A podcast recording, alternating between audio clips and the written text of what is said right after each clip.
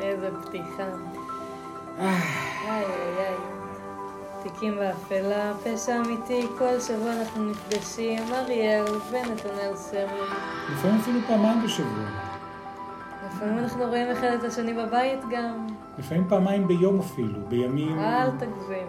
הבנתי. פעמיים באיזשהו פרק זמן. מלחמת אוקטובר, שבעה באוקטובר, תיק אפל מאוד. לפעמים אתה אומר לעצמך, כשאתה חי, הפודקאסט הזה הרי מצולם ב-20, אוקטובר 2023, אנחנו ב... היום אנחנו ב-23, כן, 2023. מצלמים אה, ומקליטים שניים ביום הפעם, נוכח הנסיבות, ולפעמים אתה אומר לעצמך, וואו, איזה מראות נוראים היו בשואה. אומרת, אתה מסתכל ש- קצת יותר משבועיים אחורה, ו...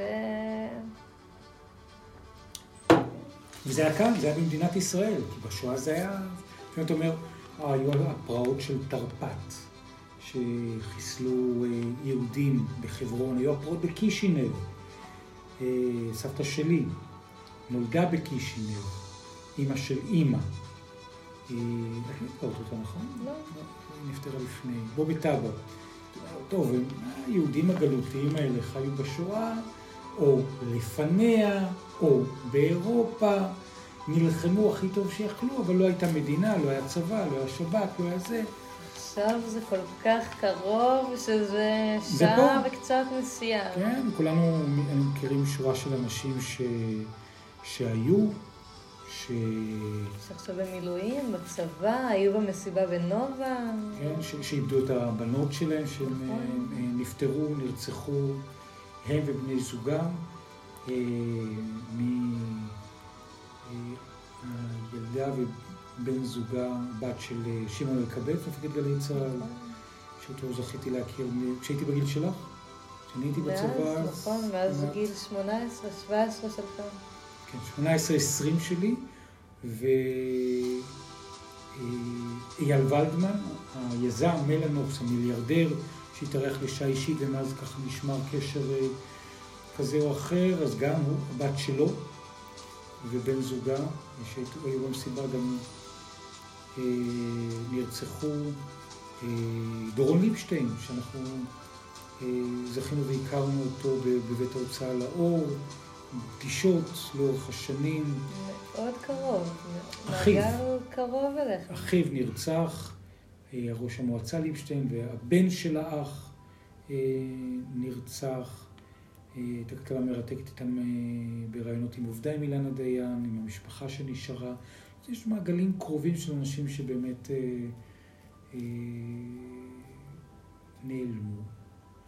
אז אתה אומר, שואה, הנה זה קורה. אתה אומר, הפתעת מלחמת יום כיפור, אני הייתי אז בן שנה, אני באופן טבעי לא זוכר במודעות דבר, ואתה אומר, לא יכול להיות, איך הופתעו וכולי, והנה, 2023, שוב תמרונים, שוב הפתעה, שוב פלישה. נכון שאין תחושה של סכנה קיומית למדינת ישראל. זה לא שהצבאות בדרך לתל אביב, אבל אה, כיוון שהיום המלחמה נעשית דרך הרשתות החברתיות, הטוויטרים, הדיגיטליים, הטיקטוקים. הטלגרם, כל הסרטים נמצאים, אז היום היכולת לפגוע בתודעה של האנשים, אתה לא חייב בהכרח מחבל או לוחם של צבא זר ליד הבית כדי להרגיש שהעסק הזה קורה קרוב מאוד מאוד מאוד.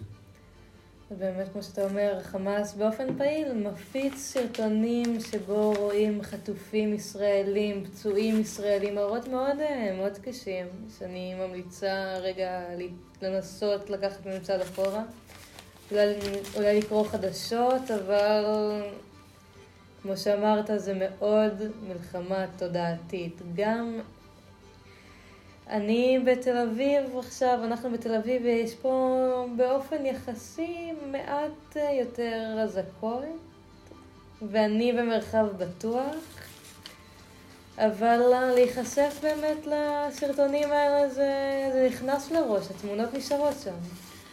אז כבר מ- ב- בתוך אה, אה, הפרק שאני מביא, הפעם אני החלטתי שאני, הפעם, כיוון שהרשינו לעצמנו בהחלטה מאוד אה, אה, יפה ש, ש, שהרגשת לעשות איזה פרק אסקפיזם, אני דווקא רוצה לחזור לתוך אה, הכאן והעכשיו.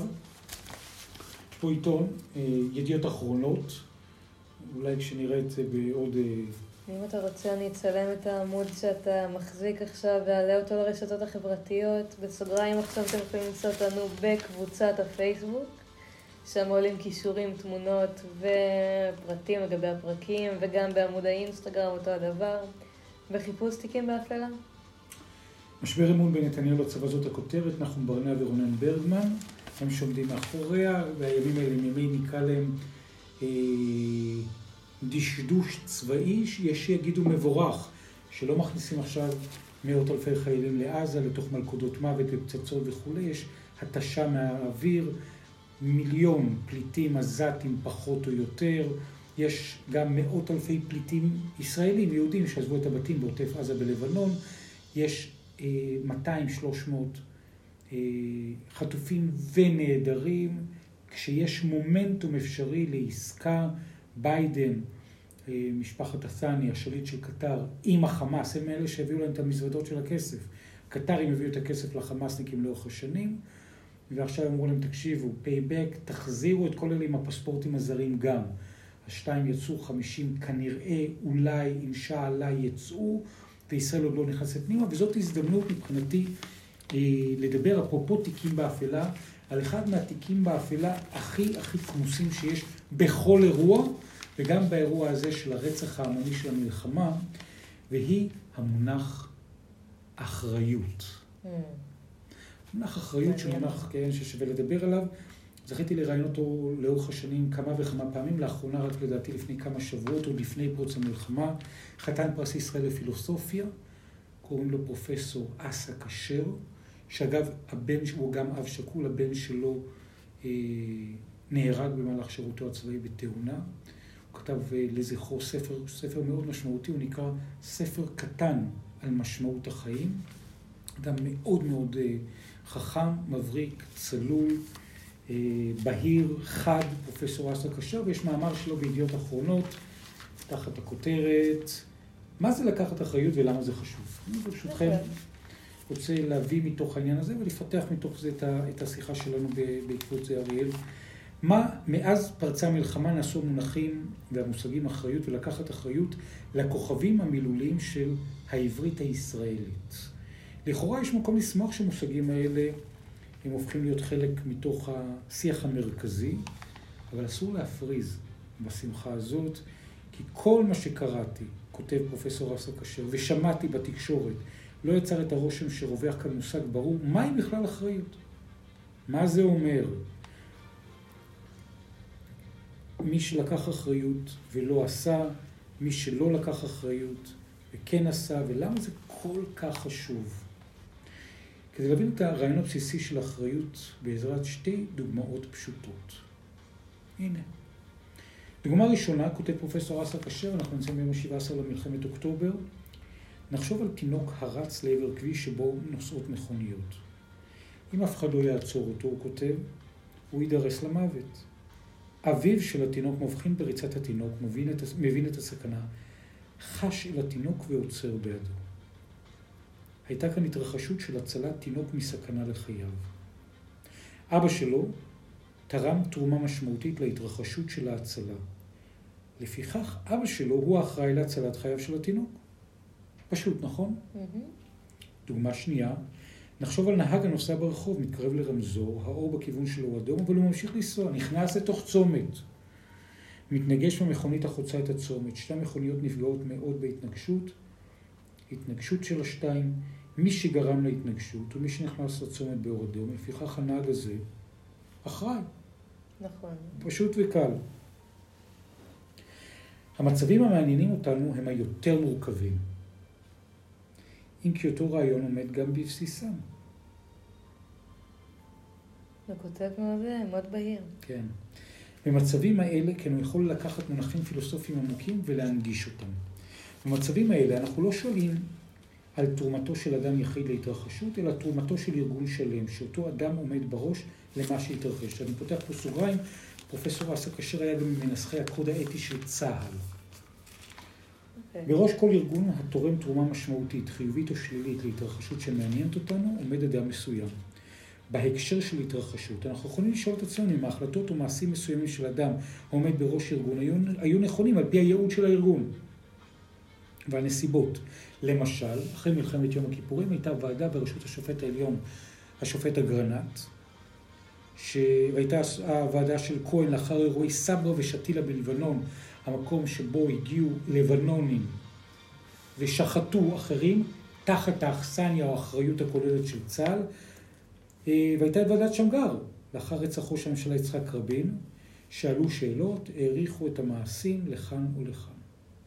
האחריות של אדם העומד בראש ארגון להתרחשות שארגון מעורב בה אינה מסתיימת בשורת החלטות ומעשים מסוימים של אותו אדם שהוא שלעצמו. תמיד מתעניינים, כך הוא כותב, ביחסים המורכבים שבין פעילות הארגון כולו לבין התנהלות האדם העומד בראשו. למשל, ארגון ממלכתי הוא לא רק בעל ייעוד רשמי, אבל יש לו מדיניות, יש לו תפיסות, יש לו קונספציות, כל מיני הבנות שאותן מתווה מי שעומד בראש הארגון. ראש הממשלה, שר הביטחון, הרמטכ"ל, ראש השב"כ. לדוגמה, חברי ארגון אמורים לפעול בהתאם למדיניות ולתפיסות כמיטב היכולת שלהם. שנית, ארגון ממלכתי יכול להיות בעל ייעוד רשמי רחב. שעומד בראש ארגון נתן לעצמו היתר להתמקד רק בחלק ממנו מסיבות פוליטיות, אישיות או אחרות. או שיש גם את רוח הארגון. מה זאת אומרת? שהנורמות שמבטאות את הזהות ומדריכות את ההתנהלות של החברים נקבעות על ידי העומד בראשו. בכל אחד מחמשת התחומים, שאלה טבעית נוכח כישלונו של ארגון ממלכתי, האם ראש הארגון התנהל כראוי בתקופה שהובילה לכישלון, או שמא לא נהג כראוי, ובכך תרם תרומה משמעותית להתרחשות השלילית. זאת אומרת, האם אחד מראשי הארגונים, ראש הממשלה, שר הביטחון, ראש השב"כ, הרמטכ"ל וכולי וכולי, שחלקם נטלו אחריות, הוא כמו נהג של מכונית שנכנס באדום לצומת ויצר תאונת דרכים. נכון. זאת השאלה. אז פה שמביא אותנו לפרשת הדרכים, לקח אחריות או לא. ראש ארגון ממלכתי מכריז על עצמו אני אחראי על מה שעשה הארגון, ובכך מזמין על עצמו את התיאור העממי לקח אחריות. קודם כל, הוא משמיע באופן צלול, חד משמעי, את הטענה העובדתית שההתנהלות של הארגון בראשותו תרמה תרומה משמעותית לכישלון. עשה את זה עד כה ראש אמ"ן, ראש השב"כ, הרמטכ"ל וראש מטה חיל האוויר. ראש ממשלת ישראל עד לשעה זו לא. שר הביטחון נטילת אחריות עמומה, לא באופן מפורש וחד, לפחות לא כלפי התקשורת. זה... הוא מאוד כותב באופן שמפשיט את הדבר, אז מעניין. נושא שני, הארגון הממלכתי אמור להמשיך לפעול למימוש ייעודו חרף הכישלון. זאת אומרת, זה לא שצה"ל הולך הביתה. שלישית, הארגון חייב לעבור חקירות יסודיות, פנימיות וחיצוניות כדי לאתר את השורש של הכישלון. כל יחידה וכל אדם. זה כולל גם את ראש הארגון ותרומתו ברמת חמשת התחומים שראינו. בדיקה יסודית כראוי יכולה להוביל למסקנה שראש הארגון עצמו תרם תרומה משמעותית במחדל ובמעשה לכישלון. ורביעית, בתום המערכה, לאחר שהארגון יעבור את החקירות החיצוניות, כי ברור שיהיה חקירות חיצוניות למה שקרה פה, תתעורר שאלת מידת האמון הראוי בראש הארגון ובממלאי התפקידים. החלטת אמון או אי אמון לא תהיה סמלית, אלא מקצועית, על יסוד ניתוחי היכולת ועל יסוד הניסיון. כדי להגל על גופי החקירות, להגיע למסקנות ראויות, ראש ארגון ממלכתי לא אמור להתפטר, אולם טוב יעשה אם יניח את המפתחות. כדי שתתקבל ההחלטה הנחותה בדבר האמון שאפשר להמשיך לתת בו. זאת אומרת, אני מראש מניח את המפתחות, זאת ההמלצה. בבוא הזמן הוא יוכל להמשיך בתפקידו או לעזוב אותו. צעד המפתחות לא יהיה צעד סמלי, אלא צעד של תרומה משמעותית להליך קימום ארגון ממלכתי מן הכישלון שהיה לו חלק בו. זאת אומרת, כשאתה מניח את המפתחות, אתה בא ואומר מראש לאיש שאתה מניח מולו את המפתחות, קח את הדברים.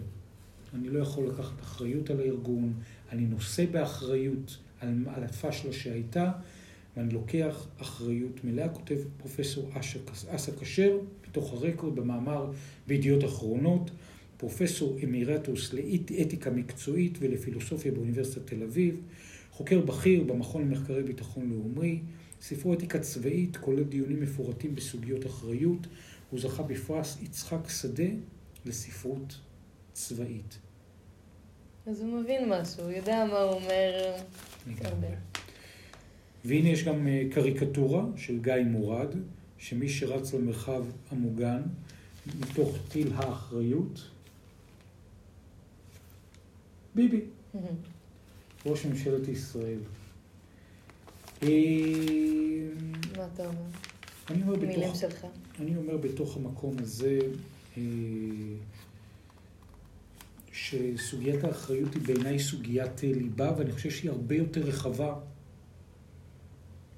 מהצבא, וזה ברור שראש הממשלה אשם, ואין לי שום ספק שינהל קמפיין שאפשר אפילו להציע או לראות לאן, לפי פרסומים לא, לא רשמיים בתקשורת, לאן ילך קמפיין אחרי המלחמה, אם כן נבואה ניתנה לשוטים, אבל הקמפיין לא קורה אחרי המלחמה, הוא כבר קורה כרגע. מה הקמפיין של אה, ממשלת ישראל? מה הוא? כולנו אחראים. Mm. מה זה אומר? אנחנו כממשלה, אולי גם העומד בראשה, אבל גם הממשלה הקודמת.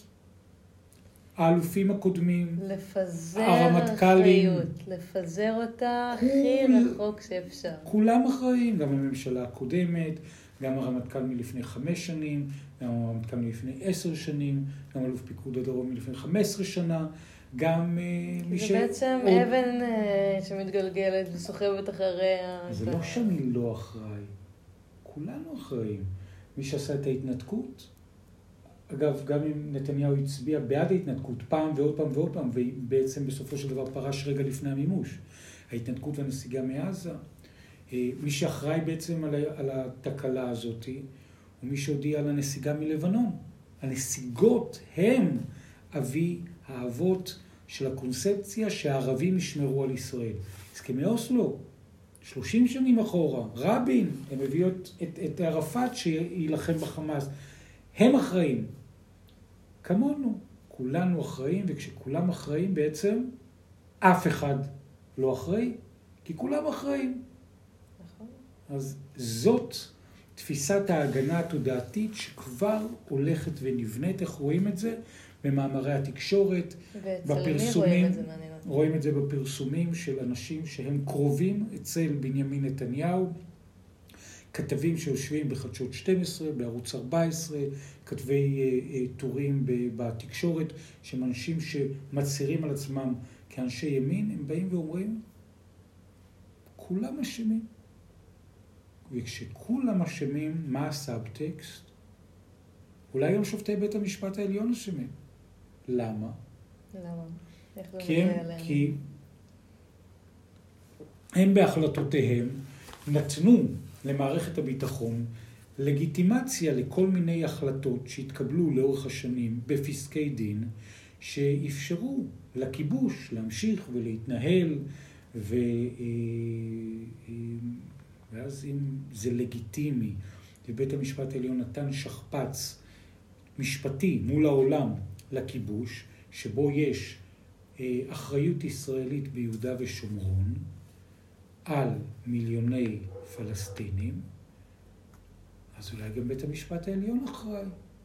ומי אתה חושב שאחראי? ואם מיליוני אזרחים הצביעו בשביל ממשלת הליכוד, אז, אז גם הם אחראים. לפזר את זה הכי רחוק שאפשר. הכי רחב, כולם אחראים. ואם כולם אחראים, אז אף אחד לא אחראי. וזה בעצם קו ההסברה שהולך ומסתמן סביב נטילת האחריות. אני אשאל את זה שוב, אם יש אדם שאתה יכול להצ- להצביע עליו, אתה נתנאל סמריק יכול להצביע עליו ולהגיד, הוא אחראי. אני חושב שכל אדם שהושיט וציפייה שממשלת ישראל ומדינת ישראל ינהלו את המדינה הזאת באופן מתוקן אחרי מה שראינו פה בחודשים ובשנים האחרונות, אז קודם כל הוא שותף לאחריות. מי ששם את הפתק בתוך הקלפי של הממשלה הנוכחית, אז הוא ודאי שהוא גם אחראי, אין לגבי זה ספק. אוקיי. זה אחד. אני רוצה תכף לתת לך תשובה ישירה לשאלה הזאת, אוקיי. וגם בהקשר הזה, למתוח עוד קו שמעט מדברים עליו. מה האחריות של התקשורת Hmm. על הסיטואציה הנוכחית? כולנו נראה לי, לא יודעת אם כולנו, אבל כן תקשורת יכולה לצבוע ולצבוע מציאות, לצייר משהו. אז בכל ערוץ, תקש... לרוב ערוץ תקשורת, יש אה, אג'נדה, יש... אה, ערוצי זה, התק... זה כבר זולג ממאמרי דעה, זה לפעמים גם הדעה נכנסת לחדשות שאמורות להיות ניטרליות, אז זה ואז, מעניין. ואז השאלה היא בהקשר הזה, הכתבים, העיתונאים, התחקירנים, איפה הם היו? כשהייתה קונספציה שאמרה שאנחנו נתמוך בכסף את החמאס כדי לייצר משוואה שמחלישה את הרשות הפלסטינית, ואם מחלישים את הרשות הפלסטינית אי אפשר לשאת ולשאת איתה לשלום. ורק בנאומים האחרונים של נתניהו ויורש העצר הסעודי באו"ם, אמרו, מתקרבים לשלום, והפלסטינים ננסה לשפר את חייהם, לא ניתן להם זכות וטו, לא ניתן להם זכות וטו, זאת אומרת הם יישארו אחרונים בתור. ואז החמאס ביצע פשע מלחמה, פשע נגד האנושות, פשעים איומים, ואמרו, אה, אתם חושבים שאנחנו נשאר אחרונים בתור? לא, אנחנו נתקדם לתור בדרך שאין לה מחילה, והיא דרך של ייאוש, ודרך שאין לה שום דרך להצדיק אותה למעט התנהגות שהיא באמת פשע נגד האנושות. אז מפה, איפה התקשורת? איפה התקשורת שבמשך שנים מגינה על התיאוריה הזאת? איפה התקשורת שבמשך עשורים בהקשר הזה בונה קמפיין שנותן לגיטימציה לכל התפיסות האלה? איפה התקשורת שקיבלה את התפיסה הביטחונית שיצאה ופורסמה על ידי הרמטכ"ל וכל צמרת מערכת הביטחון לדורותיה, שצבא מוכן למלחמה, שהצבא ערוך למלחמה, שהצבא הרתיע את החמאס, שאפשר ביום שבת בבוקר לא להיות שם, איפה הבקרה של עיתונאים תחקירנים על המצב? למה ביום שבת בבוקר לא היה כתב לענייני צבא וביטחון אחד בעוטף עזה, בפנים, ושידר בשידור חי בתוך היישובים עצמם, ואמר מראש, המצב לא טוב. בשבת בבוקר אתה היית הולך לשם? כשאני הייתי כתב אה, ועיתונאי ואיש תקשורת בתוך מערכות החדשות, אני מאחל לעצמי שהייתי סקפטי ופחות מאמין. אני אספר פה משהו במאמר מוסגר. כשהייתי כתב לענייני צבא צעיר בגלי צה"ל, בן 21, היה אסון מאוד גדול בצבא, אסון צאלים, נהרגו חמישה לוחמי סיירת מטכ"ל באמצע מבצע, וקראו לנו ללשכת הרמטכ"ל לתדריך, והיה שם שידורים שלמים לאורך כל השבועות, מי אחראי? מי בעצם אחראי על התקלה הגדולה הזאת? והשידורים, גם כשאני הייתי רב"ט או סמל בגלי צה"ל בדרגות, היו כאלה שכמעט הודחתי מגלי צה"ל על ידי הרמטכ"ל דאז, בגלל שלא נתנו ורצו שהשידורים של גלי צה"ל יהיו כאלה שיהיו ביקורתיים כלפי מי שאחראי על המחדל הנורא שקרה בתוך צה"ל. אז ככתב של גל"צ היית מעביר ביקורת על המערכת? בצורה חכמה, לא צריך בהקשר הזה, אבל זה היה בצורה כזאת שיום אחד בא אליי מפקד גלי צה"ל דאז, אמר לי שראש לשכת הרמטכ"ל דאז ובדיוני ועדת החוץ והביטחון לקח אותו, משך לו בחולצה הצידה ואמר לו שהם לחלוטין לא מרוצים בצה"ל מהדיווחים של גלי צה"ל על האופן שהקטסטרופה הזאת שנקרא אסון צאלים המוות של לוחמי סיירת מטכ"ל קרתה, ולכן בהקשר הזה הם רואים לנכון ומציעים בהקשר הזה אה, אה, או להזיז אותי מהתחנה, או להזיז אותי מהשידור, או לעשות איזה... זאת אומרת... איתך, אני, אין לי ספק שזה היה גם בדיבור אה, לא... בדיבור עקיף או בדיבור נעים בהתחשב לדבר הגדול שאתה שם על השולחן. מה הכוונה? לא, שאתה יודע לדבר, זה ה... אבל כן. הם אנשים חכמים שנראה לי מבינים לעומק את, ה... את המסר, אנשי מח... תקשורת. אז לכן אני בא ואומר, גם העיתונאים וגם עורכי מהדורות החדשות, שהם חלקם אנשים שאני מכיר מקרוב 20-30 שנה, וגם ראשי מערכות החדשות והמנכ"לים והעורכים הראשיים של ערוצי הטלוויזיה שאותם אני מכיר הרבה שנים. מה האחריות שלהם לעובדה שבמשך הרבה מאוד שנים מערכות החדשות ומשדרי החדשות וערוצי הטלוויזיה סיממו, סיממו את הצופים, הרדימו אותם, שמו להם מתוק טעים בתוך המסך עבור רייטינג, ולא נתנו להם לראות שמעבר לדלת במשך שנים מתארגנים כנגדם. והמערכות האלה שאמורות להיות, למעט מקרים יוצאי דופן, יש כאלה, בודדים, אה, אמורות להיות כלב השמירה של הדמוקרטיה, גם הם נרדמו בשמירה, לא נבחו, לא אה, צייצו על הדבר המהותי, קיבלו את ההסברים של הצבא כפשוטם. נכון, היו קולות אפרופו ההפיכה המשטרית, שאמרו שהצבא לא מתפקד, חצי מתפקד, אה, סכנה אמיתית וכולי, אבל זה היה דרך מקום ספציפי, אבל בלי שום קשר. ואם חלילה זה היה קורה לפני שנתיים, באמת צה"ל היה מוכן? לפני שלוש שנים, לפני ההפיכה המשטרית, צה"ל היה מוכן? אז האמירה כולם אחראים, יכול להיות שיש בה מרכיב שהוא נכון, אבל השאלה היא מי באמת אחראי? הדיון הוא ברור, מי שאחראי זה מי שמנהל את המערכת, זה ראש ממשלת ישראל. אין לגבי זה ספק. מי אמר את זה? הוא עצמו. בנימין נתניהו, כשהיו תקלות מאוד גדולות בניהול המלחמה של מלחמת לבנון השנייה על אולמרט, הוא בעצמו הגדיר גם את גבולות האחריות ראש ממשלת ישראל, הוא שאחראי על הכל. הוא שאחראי על הביטחון. אין עוררין לגבי זה. השאלה היא, תקשורתית, האם סביב סוגיית האחריות לתיק האפל הזה, שאנחנו נמצאים כרגע בעיצומו, האם דרך כולנו אחראים הוא יצליח לחמוק מאחריותו האישית? אני בספק. אני אגיד לך את האמת, אני בספק. כי?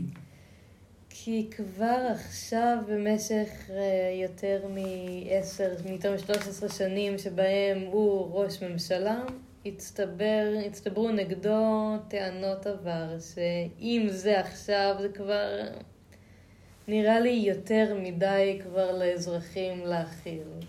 אז אני אספר לך סיפור. ספר סיפור. 95, אחרי רצח רבין, בבחירות שהיו 96, אה, הייתה אווירה ציבורית נגד בנימין נתניהו אחרי הרצח, הציבור היה בהלם. דומה למה שקורה עכשיו. בנימין נתניהו נתפס כמי שאחראי והיה הרוח החיה לאווירה הציבורית שבעטיה יגאל עמיר ירה ביצחק רבין. נכנס והיה ראש הממשלה דאז שמעון פרס. היו לפניו שתי אופציות. אפשרות אחת להכריז על בחירות מיידיות עכשיו, אפשרות שנייה לבוא ולהגיד, אני לא אכריז על בחירות, אני אמשיך להתנהל ונעשה את הבחירות במועדן. ככל שעבר זמן מתוך אירוע הרצח, היה אז מבצע ענבי זעם של צה"ל בלבנון, היו פיגועים, נתניהו שהוא קמפיינר בחירות מחונן ברמה העולמית, התחיל לצבור עוד רבע אחוז ועוד אחוז ועוד אחוז ועוד אחוז ועוד אחוז, חזר ללגיטימציה, בליל הבחירות הוא ניצח. ולכן בהקשר הזה, התפיסה שעכשיו מלחמה לא מדברים, ורק אחרי זה, בעוד חצי שנה, שנה, בהקשר הזה, מדינת ישראל תבוא חשבון עם ראש הממשלה, שהוא אחראי העל למה שקורה בה, בסופו של דבר, זאת הייתה טעות שמדינת ישראל כבר עשתה. נכון. ואז עלה בנימין נתניהו לשלטון. והשאלה אם לא למדו מההיסטוריה.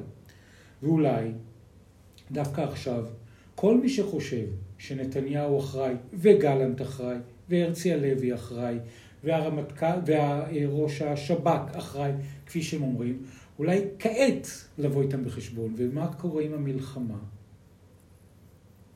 מי שמנהל את המלחמה כרגע זה ג'ו ביידן. נכון. נשיא ארצות הברית והצוות האמריקאי הם שבפועל מנהלים את המלחמה, גם אם אומרים שהם לא. הם קובעים את התכתיבים, את הלו"ז, מנהלים את המשא ומתן, מביאים את נוסחות המטוסים, מביאים נשק, שולחים כסף, מבקשים סיוע אמריקאי. האירוע כרגע מעולם לא היה, האמריקאים מנהלים אותו. ומי עוד מנהל אותו? העם. העם מנהל אותו, העם לקח אחריות על האירוע. התנדבות, גרביים, גטקס, אפודים קרמיים, אוכל, מטות לאיתור שבויים ונעדרים, סיוע אזרחי, בתים, כל מה שהאזרחים יכולים לתת, תורמים. בשידור כרגע יש גם התרמות של כסף, שזה לאנשים שמשלמים מיסים, ש... זה נלעג, שאנשים עומדים כמו קיביצרים, כמו קבצנים ומקבצים נדבות עבור תושבי הדרום. איפה המדינה? איפה היישוב? שמה שלמנו מיסים כל השנים. בסוגריים, יש לי אפילו חברה שפתחה חמ"ל אה, משפחות שזקוקות לעזרה ומתנדבים. ילדה בת 17 וקצת, שפותחת חמ"ל. וברור לי שהיא מצליחה. היא מצליחה מאוד, זה מטורף. ויש, מה, מה היא עושה שם? היא מקשרת בין אזרחים שצריכים עזרה לבין מתנדבים. זו יוזמה מבורכת לדעתי. בסוגריים אני אעלה לקבוצת הפייסבוק אה, ריכוז של אה, התנדבויות אזרחיות. חברה מהיכן אם אפשר? מבית ספר. חברה מהבית ספר, כן. מישהו שאני מכירה אישית. כן. שהיא פעילה חברתית. מאוד, היא גם אה, פעילה ביש עתיד. אז בתוך המקום הזה, שאלת האחריות, שהיא השאלה בתיקים באפלה, אני חושב שאחד, ברור שיש אחריות, ואני אומר בהקשר הזה, עכשיו, עכשיו, לא לצפות שיקחו אחריות, אלא עכשיו זה הרגע שההמונים בשקט, כמו מהטמה גנדי בהודו, בלי אלימות, צריכים לתבוע ממי שהם תופסים כאחראים היום לקחת אחריות. ואיך אתה מציע לעשות את זה? אה, בפשטות. כמו בתקדימים העולמיים הגדולים, בלי אלימות. יבואו האנשים בדלת ביתו של האיש שהם חושבים שהוא אחראי לקטסטרופה הזאת שקרתה במשמרת שלו, גם אם היו בהקשר הזה עשרים שנות קונספציה שבויה. אחריות היא שלך, זה כמו שמגיע בעל בית. ו... אומרת באופן של להמשיך את ההפגנות? אני אומר, או... בצורה הרבה יותר פשוטה, בשקט, באים אנשים עם דגל ישראל, יושבים בפתח הבית של האיש האחראי היום. אם אני טועה, היו מאה, כמה באמת הפגנות שקטות. 200, 200 אלף, 2 מיליון, המסר יעבור. בסוף, בסוף, בסוף, האנשים בארץ הזאתי משלמים על שירות מהמדינה באמצעות מיסים, קונים שירות, האם זה השירות שקנינו? אם כן, מעולה, ואם לא, אז עת לקחת אחריות של העם הזה על חייו, על גורלו, בצורה לא אלימה, עכשיו, לא בסוף המלחמה. ממילא בעת הזאת שאנחנו מדברים, שנים של משא ומתן, אף אחד לא נכנס פנימה לעזה, ובסוף לא ייכנסו בלי אישור בעל פה או בכתב אמריקני שמנהלים את הקצוות של המלחמה הזאת, מלחמת אוקטובר. לכן סוגיית האחריות בראייתי צריכה להתממש כעת. דיברת יפה, תיקים באפלה, לקיחת אחריות. לגמרי, על תיקים באפלה, ובמיוחד בהקשר הזה, כשגם אנשים מנסים להטמין את האפלה לגבי האחריות שלהם. אז במקום להסתפק באמירות עמומות, וכל מיני... דרשו תשובה, מה? כן, עת למעשים, כמו שאמר פרופסור אסק אשר, לבקש שאנשים ישימו את המפתחות, וגם אה, יש גם איזשהו מימד נוסף בטיימינג ללקיחת אחריות. בן אדם שפישל בצורה כזאת, כל בן אדם, ברור לי שהמצפון שלו מייסר אותו, שהוא ברמה הרגשית מנסה לנקום, שהוא מרגיש רדוף. אה, ביבי, ספציפית ראש הממשלה של היום, כמות הפעמים שהוא דרוש לקחת עליהן אחריות מצטברת ונאגרת. זה לא רק המלחמה הזאת שקרתה, אלא... הממשלה והמדינה קורסו. הוא הביא המון בעיות, המון דברים שבאו כשהוא בממשלה.